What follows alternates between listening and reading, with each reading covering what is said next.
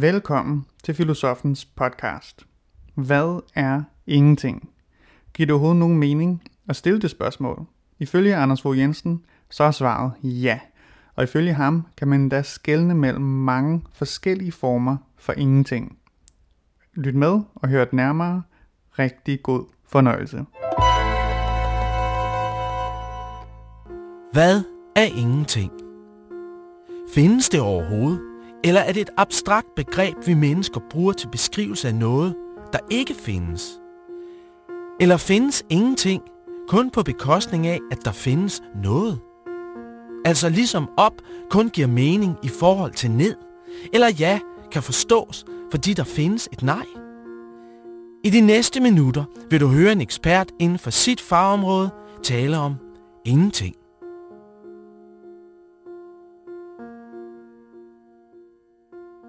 Et klassisk spørgsmål i filosofien, det er i det 17. århundrede, hvor den tyske filosof, som skriver på fransk Leibniz, siger, Pourquoi il y a quelque chose plutôt que rien?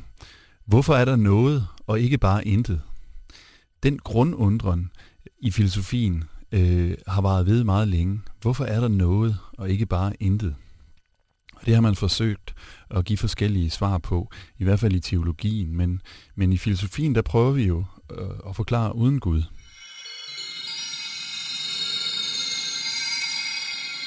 Intet er på en måde baggrunden for, at der kan være noget. Den tyske filosof øh, Martin Heidegger, der lever i det 20. århundrede, han skældner mellem øh, væren og det værende.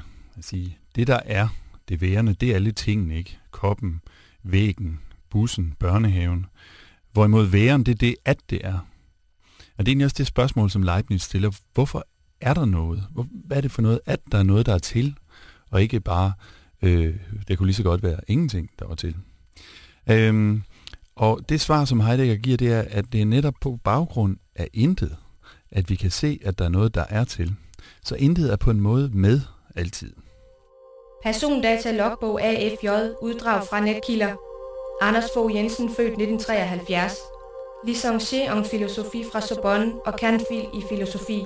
Har arbejdet på Aarhus, Odense og Københavns Universitet og Copenhagen Business School som underviser ved 20 forskellige fag. Har udgivet fem bøger, senest Projektmenneske på Aarhus Universitets forlag i 2009.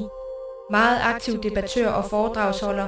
Interesser, fransk landsholdsfodbold, græsk mytologi, byliv.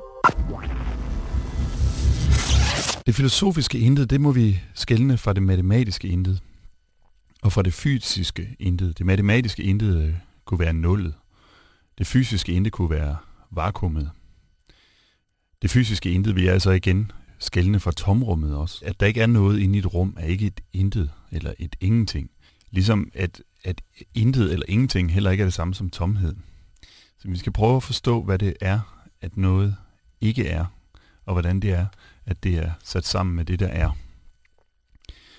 I stedet for bare at benægte og sige, øh, ingenting har at gøre med, med en benægtelse, så kunne vi sige, at intet har faktisk at gøre med at prøve at sige noget positivt om, hvad ikke væren eller ikke eksistens er. Den tyske filosof helt taler om, at intet det er det, der er identisk med sig selv.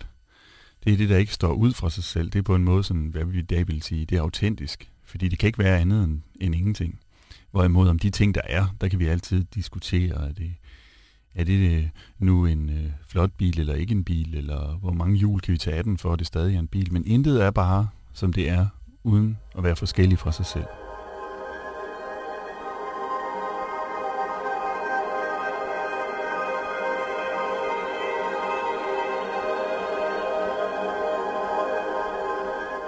Der, hvor vi øh, i det 20. århundrede mest støder på debatten omkring ingenting, det er hos den tyske filosof Heidegger og den franske filosof Sartre. Heidegger skriver i 20'erne øh, op igennem til 60'erne. Øh, Sartre skriver øh, sin meget berømte bog Lettre et le néant, Væren og Intet i 1943.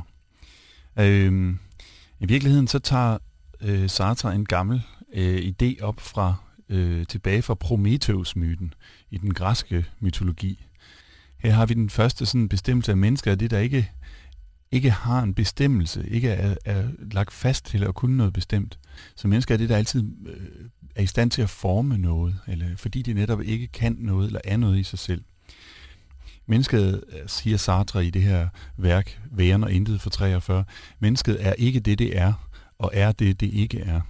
Det lyder lidt kringlet, men det betyder egentlig bare, at mennesket aldrig bliver, falder sammen med sig selv, men altid er ude over sig selv, i gang med noget, i gang med nogle projekter, i gang med at definere noget, i gang med at forsøge at ændre verden. Og vil Sartre sige, det er altid i stand til at forestille sig verden anderledes, end den er. Jeg kunne forestille mig, at jeg var en flot mand, eller jeg kunne forestille mig, at jeg var konge. Jeg kunne forestille mig, at øh, jeg var tigger. Jeg kan altid benægte verden. Og det er det, den evne til, til at nægte eller negere, eller som franskmænd vil sige, annihilere verden, øh, den, det, det er noget, der er særligt for den menneskelige bevidsthed. Den tyske øh, romantiske filosof Schelling siger et sted, mennesket er det sted, hvor naturen åbner øjnene og ser, at den er til.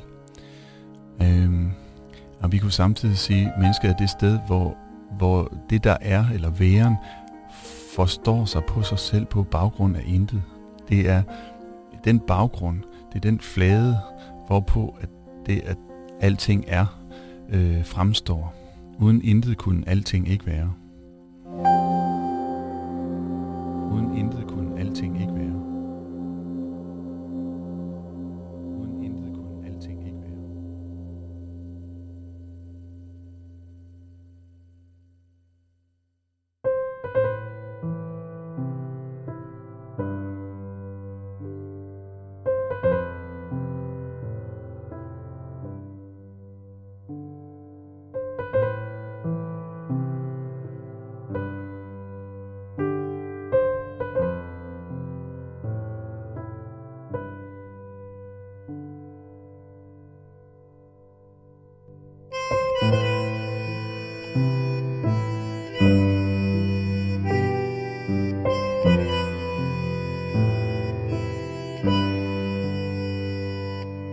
Du